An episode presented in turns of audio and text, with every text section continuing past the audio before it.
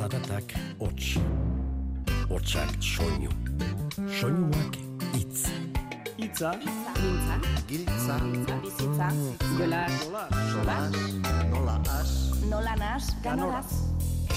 Eta hitza jolas bihurtu zenean, komunikazioa atxekin iturri, dibertsio izaten hasi zen. Eta bersu bilakatu zen. Itza jolas. Aizegoa gau epela eta fokuen argi, ongi etorri entzule, dirudizuna adi, naizta neuronak ditugun, izerditan igari, Atzerapen pixkatekin asgaitezen kantari, freskura ekarri asmoz Trinitate plazari. hau da plazaren edertasuna, beti bezala koxea, sei bertxolari gai jartzaile bat, ta zuen bertxo gozea. Naizta atzetik kendu diguten bilintz-zarraren posea, Ze ederra den ume garaia orainarekin lotzea. Bertxo zaletu ginen lekura, bertxotara etortzea.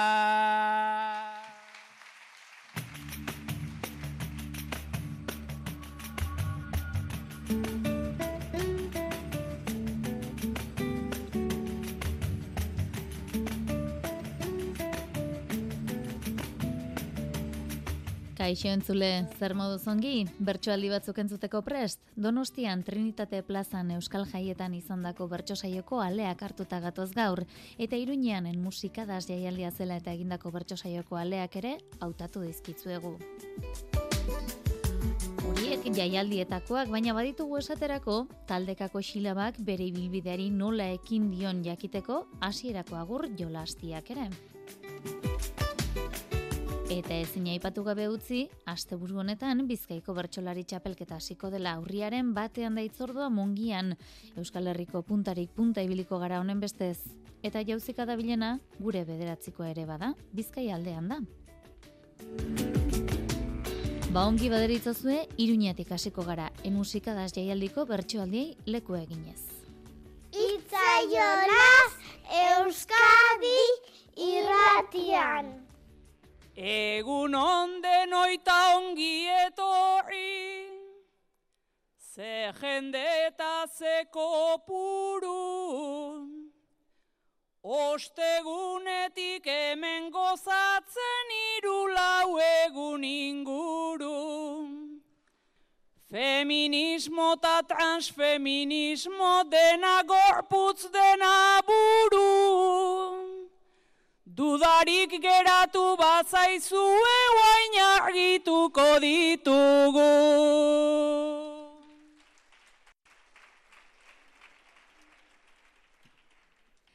Kaixo iruña zer moduz zaude, gatoz puntuan jartzera. Marianito bat ta Marianita asko betiko antzera. Alegia gugato zela gaur, nahi duguna kantatzera. Konsonanteak kolokatzera eta bokalak aldatzera.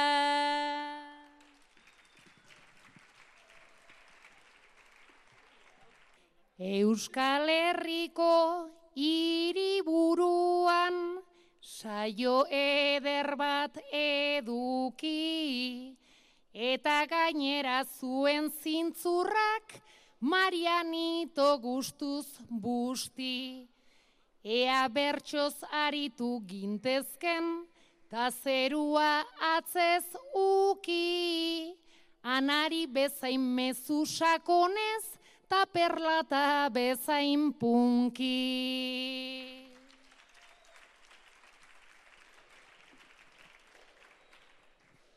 Musika zaleta feministek paratu digute zita, hortzegunetik osatu dute egitarau bat polita. Guk akapela kantatzen dugu, desafinatzen asita. Zer moduz sartzen zaizuen gure hitzaren musika.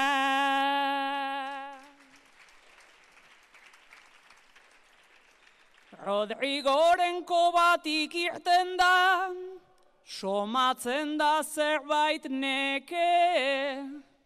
Batzuek aje pixka bat eta beste batzuk esnatzeke. Bertso bermuta kontzeptu hori, asmatu da bete-bete, baina saio beroa izateko urruti xamar zaudete.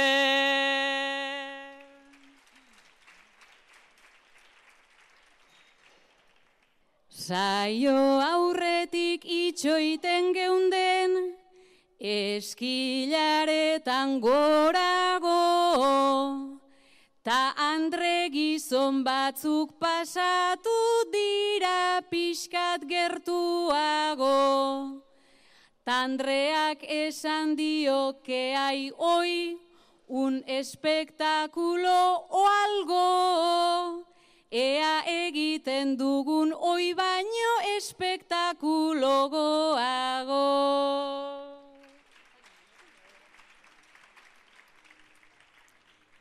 Ez da inor ere gerturatzen, naiz da bota duzun kuña, eta parean udaletxea, boteren erna muña. Pamplona ze kasposoa zaren, ze karka ze iguña, ordea larun bat goizetan, zeder zauden iruña.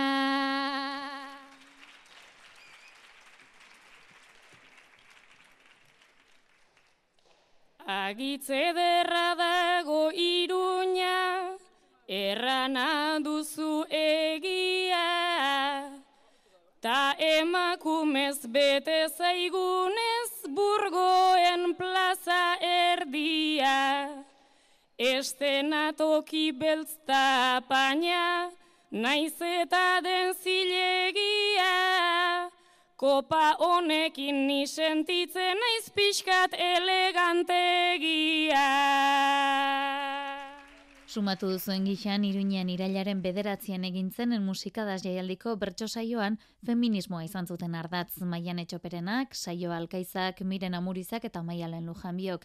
Ainua larretxe izan zuten gai hartzaile. Eta bertaratuak kokatzeko onakoa izan zen lehen galdera. Feminismoa da e, musikadaz jaialdiko ardatzetako bat, eta gaur holtzan gauden denak gara feministak baina ziur aski modu diferente eta garai diferente batean iritsiko ginen feminismora. Nola iritsi zineten zuek eta zein izan zen krak hori eragintzi zuena? Edo zergatik ailegatu zineten? Noizetan nola egin gendun topo guk feminismoarekin. Ez dakit bilatu egin nuen edota estropoz egin. Batzuetan pentsatzen dut ondo, feminismoan gaudegu, ta segun zer irakurtzen dudan oraindik enaizela heldu. Ta feminismo hau noiz sartu zen, kokotean ta senean, zen ligatzeko gune bakarra tinderretzegoenean. Nik nera behan nintzen unean, abitu nuen borroka, garaiaretan ibiltzen nintzen ta mundu guztian kontra. Ni feminista nerera nintzen aldarrikatu nahi nuke.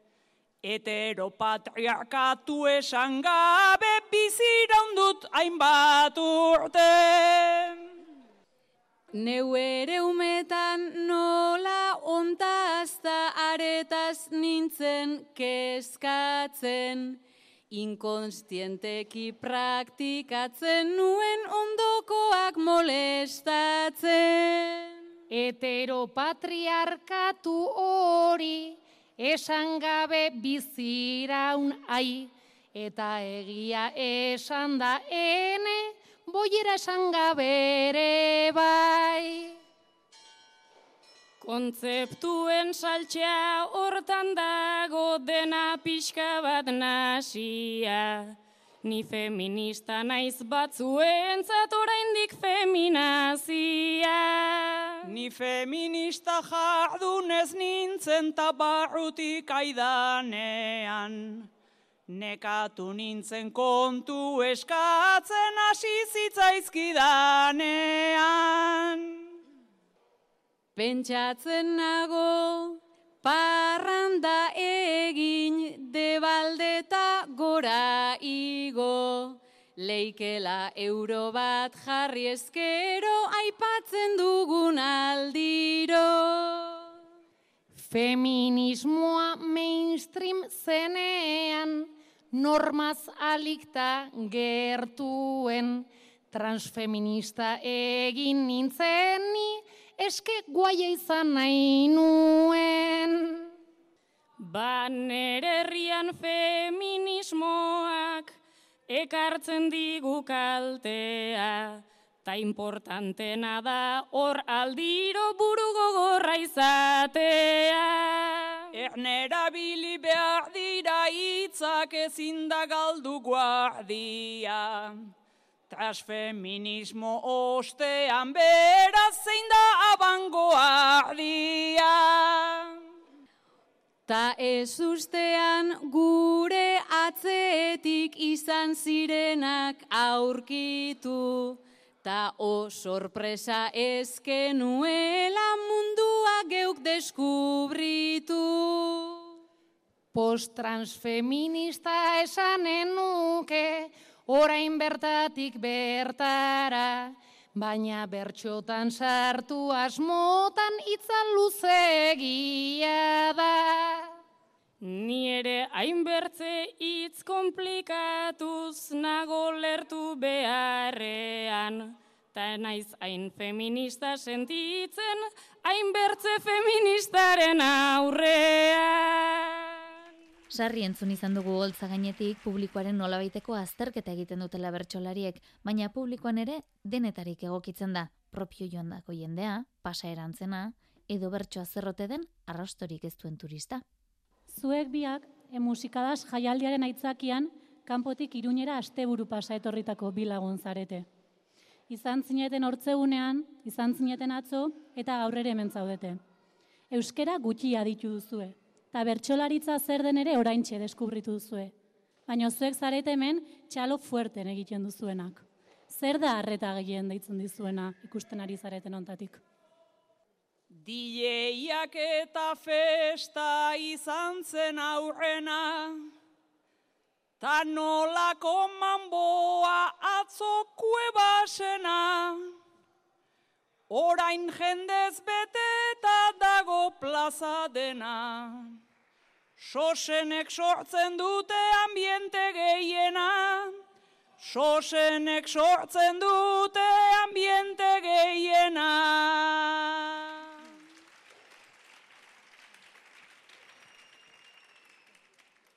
Hor daude beren ahots altu eta grabe, batzuek oiuka eta bertze batzuk txuabe, akapela kantatzen dute eta alare, nola moldatzen dira gitarrari gabe, nola moldatzen dira gitarrari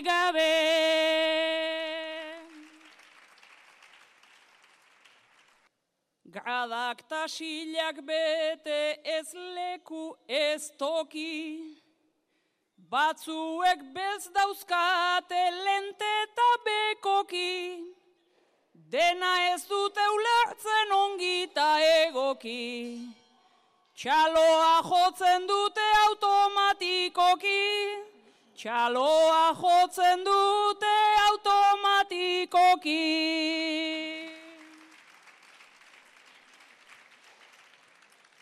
Ta bertze tipa hori bersolarin zubi, lau bersolariak hor aurpegiak guri, pixkat sumatzen ditut daudela urduri, dena improvisatzen dutela dirudi, dena improvisatzen dutela dirudi. Gu kanpota agara ta ez etxekoak, Baskon gadota napa orgainantzekoak, Eta berso saioko bost horatzekoak, Denak igualak dira edo antzekoak, Denak igualak dira edo antzekoak.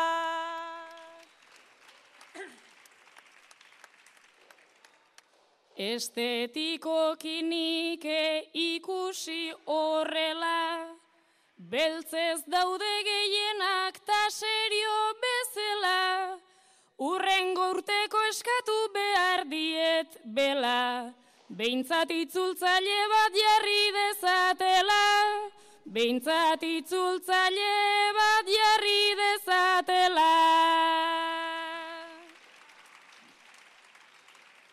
Neri sortzen ari zait diztira begitan, Euskalduntzen ari naiz kolpetik irrikan, Uste detenten ditu dudala egitan, Feminismo esan duten lauitzetik bitan, Feminismo esan duten lauitzetik bitan.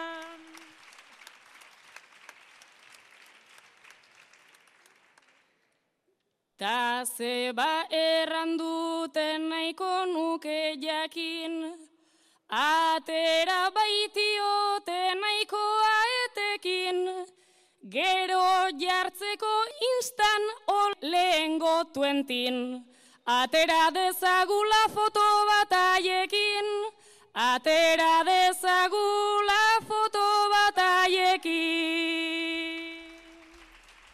Taldeko lanean entzun ditugu irunean, baina bakarkako gaia ere izan zuen maialen lujan biok.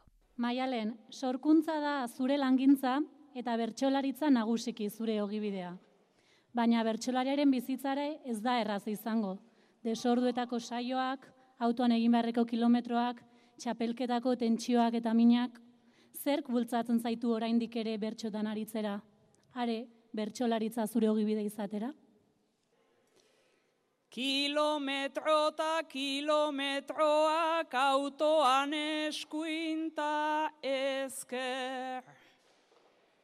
Makarroi oso egosiak jan, ta ez entzun mila esker.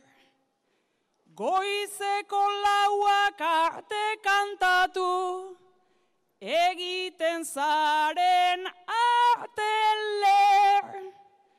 Tipo astunak aguantatu, interesekorik ezer.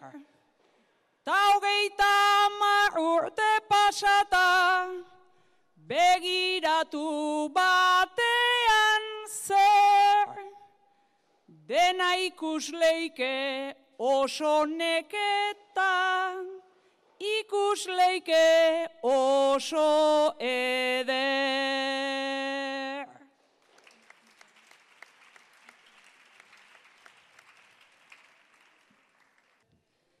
Gizonezkoen giro batean, abiatu ginen berez. Izkuntzarekin ta bersoekin, banuen aski interes. Antropologi asko egiten da, erri zerri askok legez, asko entzuten da, asko ikasten da, hori guretzat mesedez. Epikarikan ez dut nahi baina, bidea ez da izan errez. Ez da alfombra gorririk izan, eta morerik ere.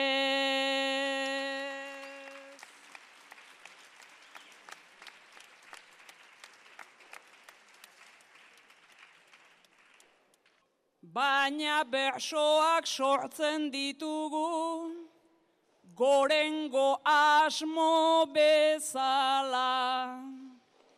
Gure ideiekin jokatzen dugu, aragia eta azala.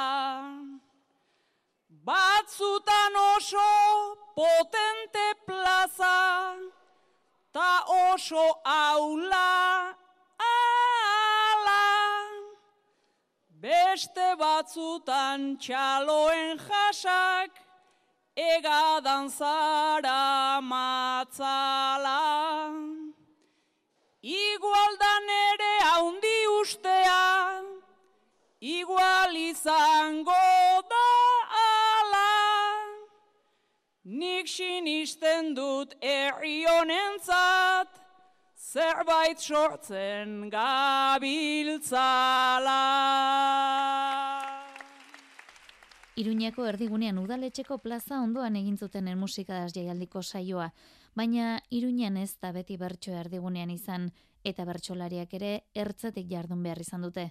Saioa eta maialen non sentitzen ote dira eroso, ertzean edo erdigunean, zerrote du interesgarri batak eta besteak? Hemen erdera dugu nagusi, ta euskaran berriz maizter. Karteletako anekdota bat bihurtu dutena laister. Baina naiz goitik saiatzen diren, baztertzen eskuinta ezker, erdigunean egon liteke, herriekin zari esker.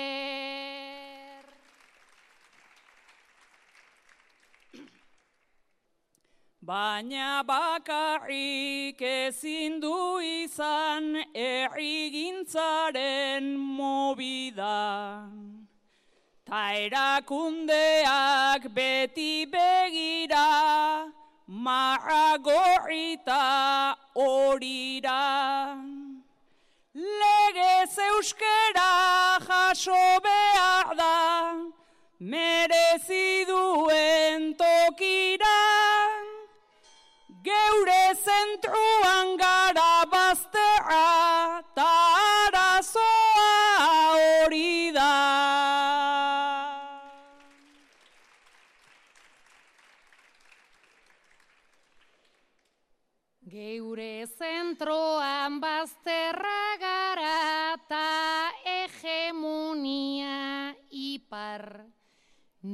euskalduna izan beharko litzake hemen herritar. Geurean bizi nahiko genuke ta aien zen bat liskar. Gainera ardura ezin da utzi, norbanakoaren bizka.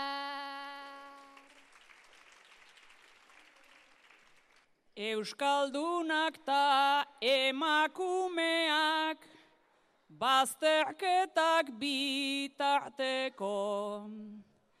Baina zuriak ta aberatsak, egoaldetik aparteko.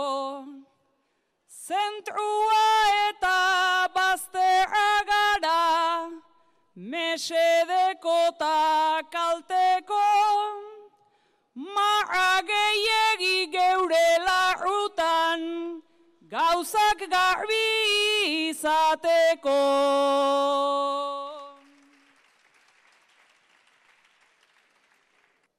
Zuriak gara privilegiatu, jabetzak gaitu alaitu. Beko hoiekin nola klaseak eta diruak etxaitu. Baina emakume eta lesbiana horrek erengugan gaitu. Itz bakarrean azaltzearen kontra esanak egin gaitu.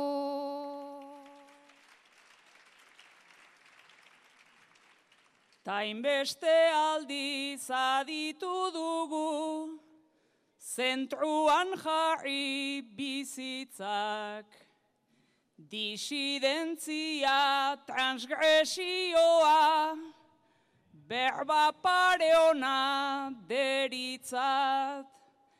Ta euskaldun ta bazterrekoak, gure miseri ta bitxak, baina hainbeste repikatuz, ustu egin zaizkigu hitzak.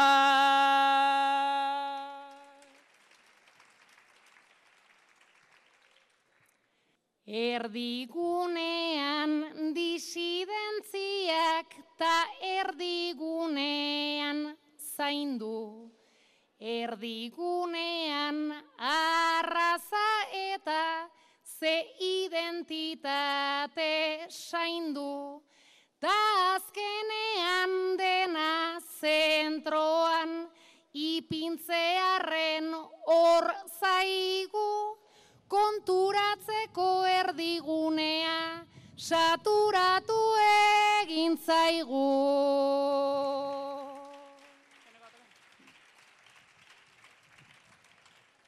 Beraz iruña aipatu dugu, aipatu dugu Euskara. Feminismo eta bolerismoa aski aipatuak jada. Eta jendea guen zuten ta txalo batzuk jotzen ara. Konbentzituak konbentzitzen gu sarritan aritzen gara. Itzei olaz, Euskadi ratian.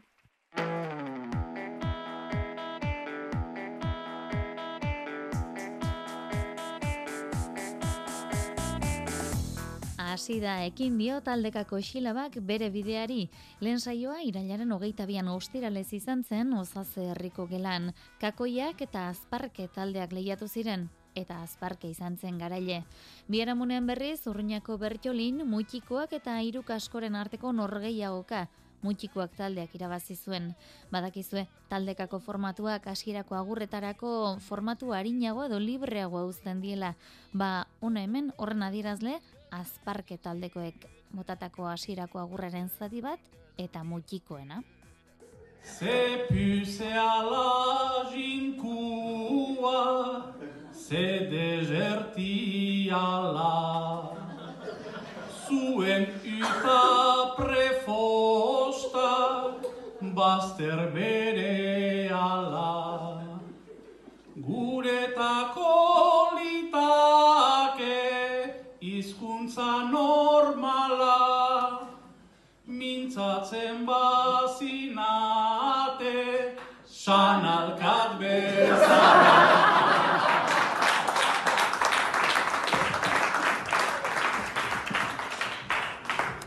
Zela jontara egiteko berriz bizitza, Hobetorik askoak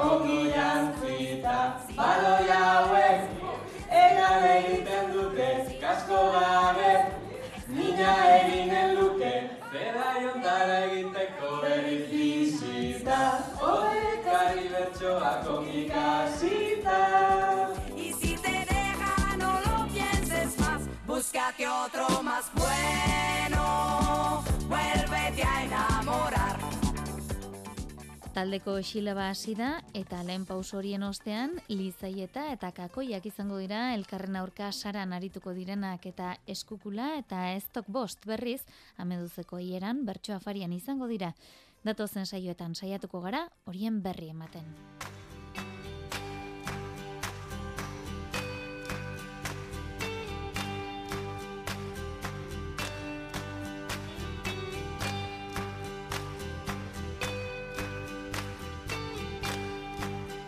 Eta hori esan da ez inaztuko dugu Bizkaiko bertsolari txapelketak ere asteburu honetan ekingo diola bere bideari.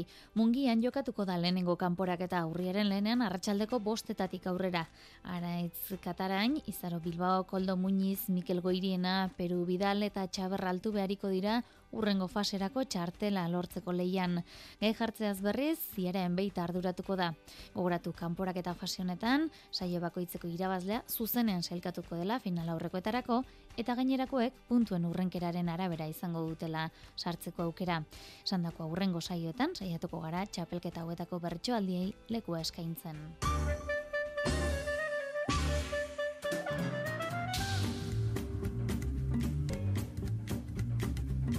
Aurreko saioan Beñatu gertetxeak Markin Etxeberriko Lander Ibarluzeri botazion bederatziko osatzeko erronka, bai oso dugu, erantzuna. Hanka gorriak hankak geratzen alditu. Niri hankarik ez dit inork gelditu. Lehen luzaroan nintzen parrandan aritu. Gero txikia jaio eta errenditu. Erori zutitu, zikindu garbitu, eskola mediku, parkerantz mugitu, poz iturri oberik ez dut aurkitu. Poziturri oberik ez dut aurkitu. Ba, nire puntue Josune Aramendi, bertzolari markina arrantzako izango litzake. Ze txapelketan murgildute espada ube murgiltzeko puntuen egongo da, daueneko. Holan izango litzake puntue. Zer litzake bertzoa txapelketaik gabe. Urrengoan jasoko dugu bada, Josune Aramendi markinarraren bederatzikoa.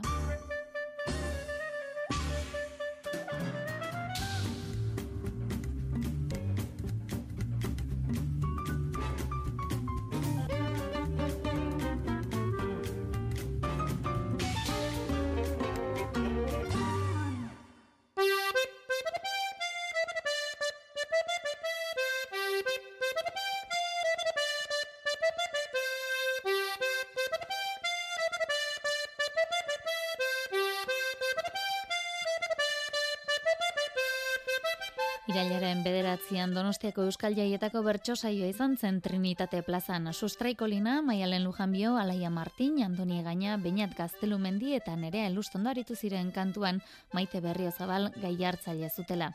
Sarreran entzun duzuen gixean, egoaizea, gau epela bai, baina euri zaparra da hasi aurretik, uretan murgildu arazi zituzten sustrai eta Beñat Gaztelumendi. Zuek ere horrela sartzen altzarete uretan, poliki-poliki, Lagunak zarete zuek biok. Eta zuk bainat aspalditik aspalditik e, baduzu zor bat zeure buruarekin eta zen igeri egiten ikastea. Umetan ez zenuen ikesei eta gerora zaila aukerarik ez, eta batez ere beldur handia. Eta ibili zara, igeri lekuan, joan zara ikastaro batzuetara eta zerbaitetan ematen du ari zarela aurrera egiten, baina zure beldurrak hortxe jarraitzen du. Eta sustrai zure lagunak esan zizun, ba, tarteka tarteka ba itsasora ere sartzen au, asteko aukera izan zen ezaketela. Eta esan zenuten, bueno, ba, aste bat gorputzeko zati bat, aste bat altuera bat. Egin zenuen aste bat orkatiletaraino. Aste bat belaunetaraino. Aste bat gerriraino. Eta gaur da, aste bat bularreraino. Lehenbizi sartu nuen eskuin atzamarra, ta barruko ikarek nolako marmarra. Sartu ta sartu noa, ta hau da dardarra, Hor daude olatuak, hor dago aparra. Itxasoa ez aldago, arrotu xamarra.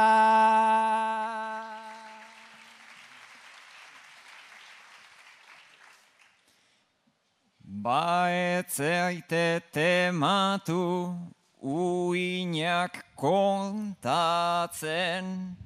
Saiatu zaite zoinak urpean kokatzen, ta korronteak jasan edo soportatzen, ez ez da itxasoa hori marmokazen, ez alduzu sentitzen, Biotza flotatze.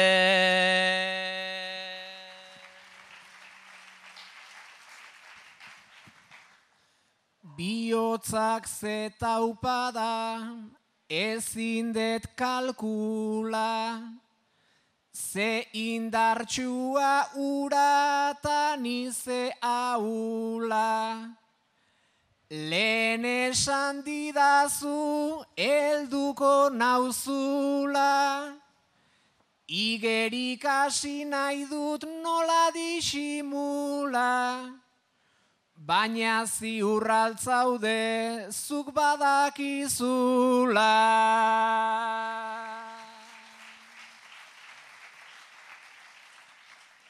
Nik igeri badakit ta ezin bestean konprobatuko duzu gerritik eustean baina buka ez dadin dena desastrean gaurritz egin ezazu zuk mingain askean igual ezingo duzu datorren astea.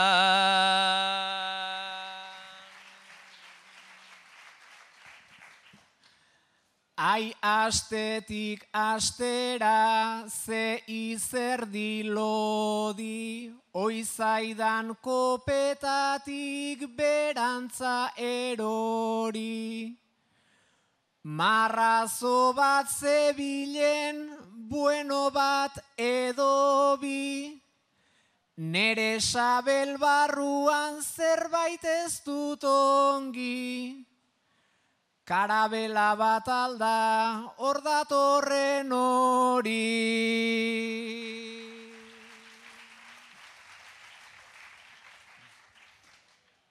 Karabela konturik, etzazu ekarri, ta zugan jarri zure buruta belarri, laguntzen aldiogu akaso elkarri, azaltzaidazu nola beldurrak jazarri. Lehorrean itota sentitzen naiz sarri.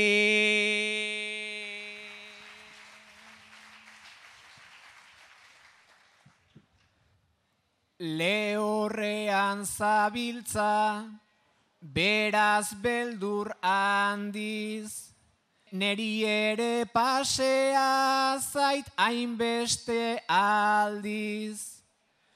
Uretara sartu naiz ez urta aragiz, barreneko ikarak horrela nabariz. Enintzen ausartuko zugatik ezpali.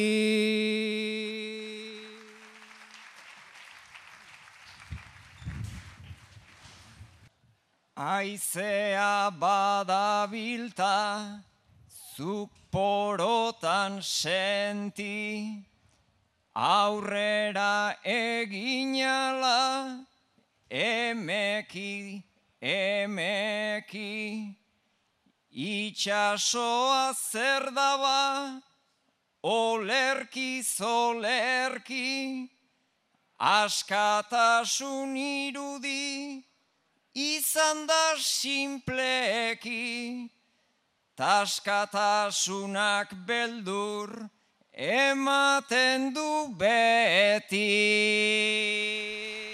Ur kontuekin zer ikusia duen donostiako itzordu garrantzitsuenetako bat, kontxako estropada izan ohi da, besteren artean. Ba, maialen lujanbiok, alaia bere lige berria gonbidatu du egun horretara, baina ba ote daki ze egun den eta ze egiten den kontxako estropadaren egunean, entzun dezagon. Zu maialen donostia arrasara, eta asko inporta dizu, batez ere donostin gertatzen den guztiak. Adiez asko inporta zaizu, asko gustatze zaizu, estropaetan parranda egitea, estropaetako giroa, gustatzizkizu jaiak. Eta bihar hemen, ba, estropada eguna izango da donostian, eta alaia gonbidatu duzu. Eta zion, jo, alaia, bihar, egun berezia donostian, oso ondo pasako dugu, eta iritsi da alaia, eta esan dizu, Wow, zenbat jende, zer da, kuadrilen eguna, zenbat kamiseta. Oik estropadak dira, ta horra bidatu, Zumaiak bere zorra nahi luke kitatu, Donostiarrak berriz aurrera tiratu, Aizen bat kamiseta, lepoa giratu, danak ikusi baino, neri ikusi baino, neri begiratu.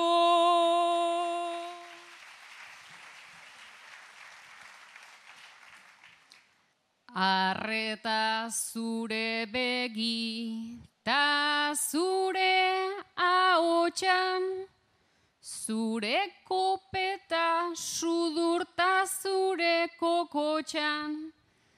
Bi San Miguel latatxo dakarzkizkit boltxan, Segiroa dagoen ez dabiltza otzan, Eta abordaje bat ikusi dut kontxan, eta abordaje bat ikusi dut kontxan.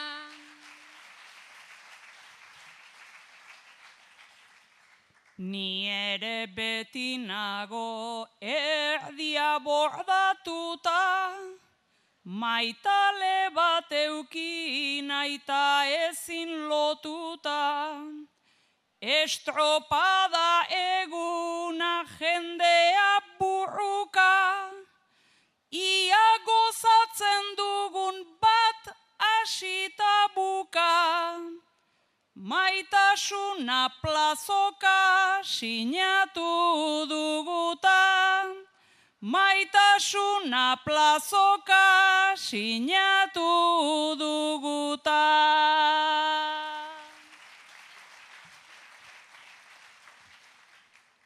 Ze erromantikoa zure begirada, iain beste azukrek egiten dit traba.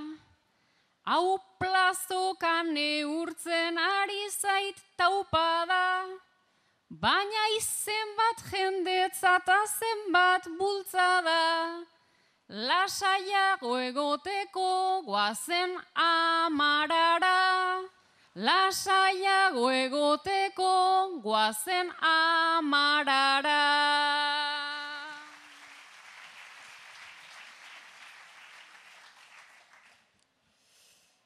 Hau neska serioa, hau buru austea, bera miskina fina eta ilustrea. Pentsatu nuen trini zuri erakustea, berso saioa entzunta estropak ustea, bainoan zailagoa da elkarri guztea, bainoan zailagoa da elkarri guztea.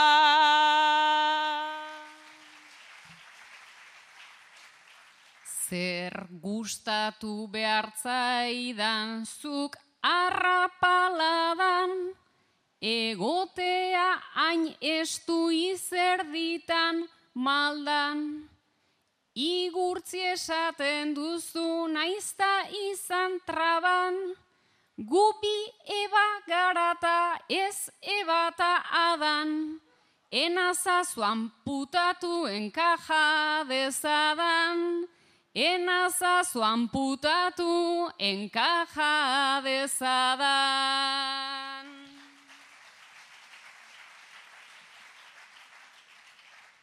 Ez amputatzerik ez dut gogoanik, zu donostian sartzen bazen askilanik. Iguale reparoa oiatzua izanik, estropa hain gogoko ez duzula esanik. Santo Tomasak arte ez dut beste planik. Santo Tomasak arte ez dut beste planik.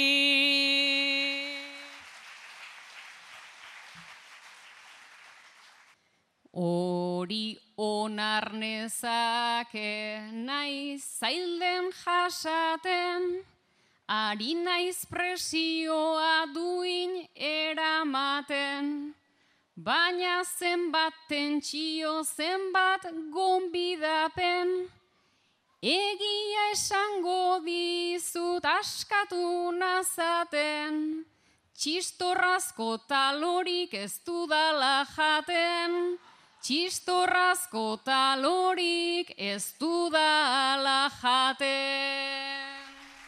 Nerea Lustondo eta Beñat Gaztelumen diren txanda dugu orain, hauek beste plan bat dute. Erretiratu ostean hasi dira euskaraz alfabetatzen eta ia ze ondoriotara iristen zaizkigun ba. Zuek eh, gogo bat izan duzu beti eta zen behin erretiroa hartuta euskaraz alfabetatuko zinetela. Izan ere euskaldunak izan bazarete euskaliztunak etxetik euskara ikasitakoak, baina idazten trakets irakurtzen batzuetan zail, eta nahi zenuten euskaraz idazten eta irakurtzen e, ikasteko denbora, eta oraintxe izan da.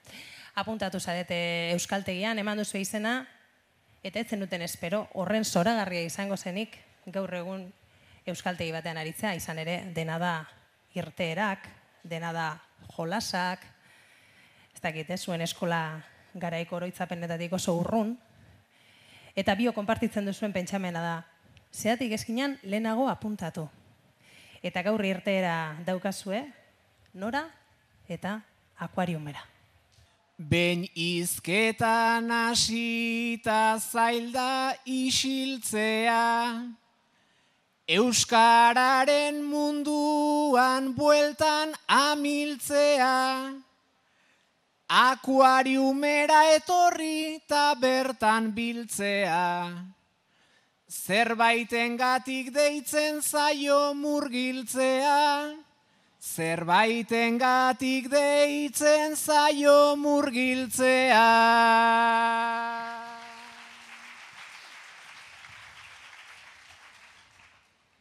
Zirtera ederra, ez lan ez itzulpen, jakin banulenago probatuko nuken, isildu pixkat bainat ta utzien zuten, arrainek zeinen ondoa oskatzen duten, arrainek zeinen ondoa oskatzen duten. Isil-isilik daude giroan zepake, Izurde bat saltoka ari da jotake, Umetan alakorik izan banu bate, Honezkero euskaltzain izango nintzake, Honezkero euskaltzain izango nintzake.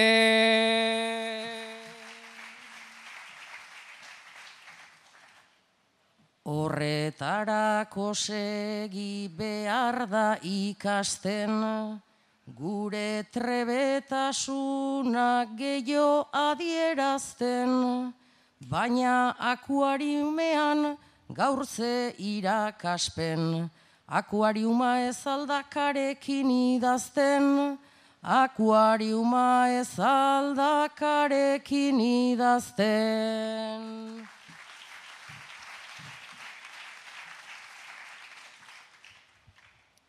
Lehenago entzunuen nunbait ala zela, baina kukere dauka glamurra itzela, jakinda jubilatu onratu garela, idatzi dezakegun nahi degun bezela, idatzi dezakegun nahi degun bezela.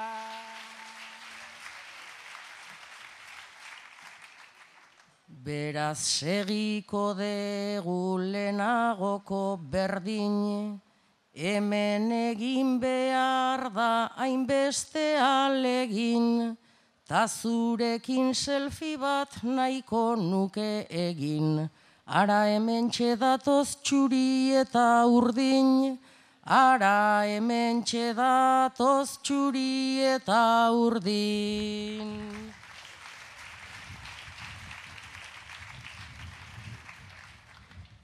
Lasai hasi zaitezke bizkarretik heltzen, aekan ari gara aditzak aletzen, lagunekin bilduta euskara hobetzen.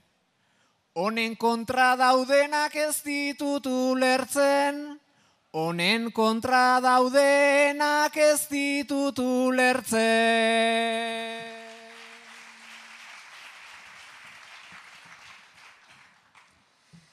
Denentzat igual igual ez doa arreran, Euskara bilakatzen baitzaie barreran, ez dira ona etortzen hemendik aurrera, Oiek molestauz doaz alde zaharreran, Oiek molestauz doaz alde zaharreran.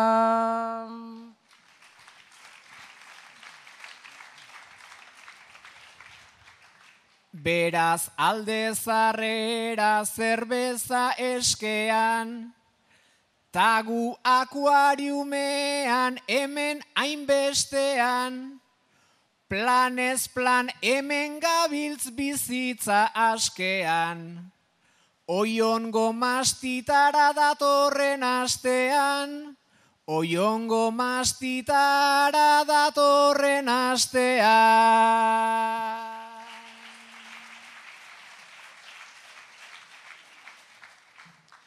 Oiongoa hartuko dugu guk eredu, eta anaozkoa landu dezakegu, probatzeko ditugu iruz palaunegu, tan latina ere ikasiko dugu, tan latina ere ikasiko dugu.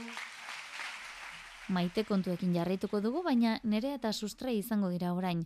Eurena ezkutuan gordenaian, bestelako lekuetara joaten omen dira, baina ara norekin egin duten topo. Zuk nerea denbora daramazu pertsona batekin harreman batean, baina ez zara bere bikotekide ofiziala, bere maitalea zara. Bere inguruan ez daki inork, zure inguruan ia inork, eta alegintzen zarete, ba, beti irian basuena ezten inguruan ibiltzen, ba, jendeak ikusi ezaitzaten, eta bar. Eta gaur joan zarete biok, biok eta bere txakurra, izan ere beti bere txakurrarekin ibiltzen da. Eta okindegi batera sartu da, eta esan dizu, e, nerea segundo bat izango da, itxaron txakurrarekin kanpoan, eta orain txenator.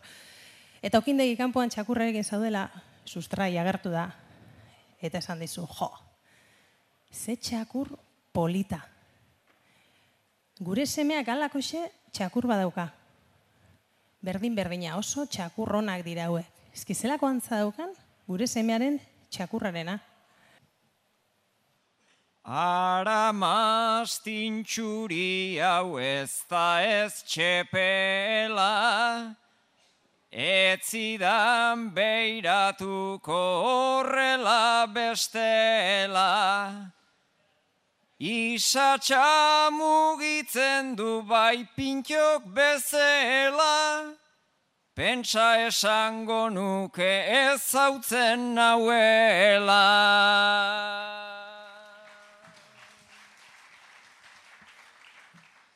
Ta albotik begira hortzaude oraindik, txakurretan bastante aditu izanik. Informaziorik ez espero nigandik, pasaden tipo batek zaintzeko esan dit.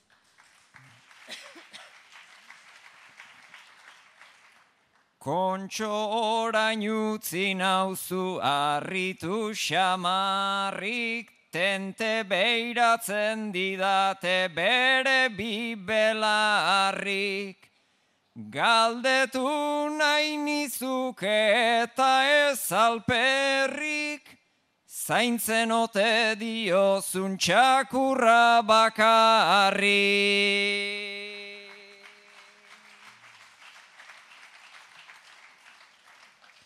Aizu zera zalantza, mordo baten jabe, albotik galdezkata ezin egin alde. Bai txakurra bakarrik, zaintzen dut alare, nik ez dakidalako bere izenare.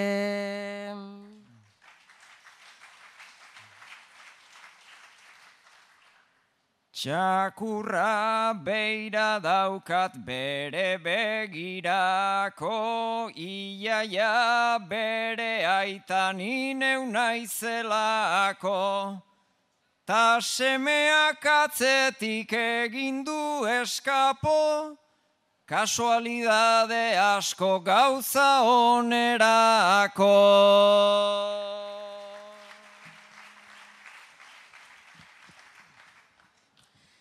Hemen bota dituzu horren beste amun, detektibe lanetan zenbait egitamu. Semeak alde gindula eta zera damu, nike alde ingo nuke txakurrik ezpanu.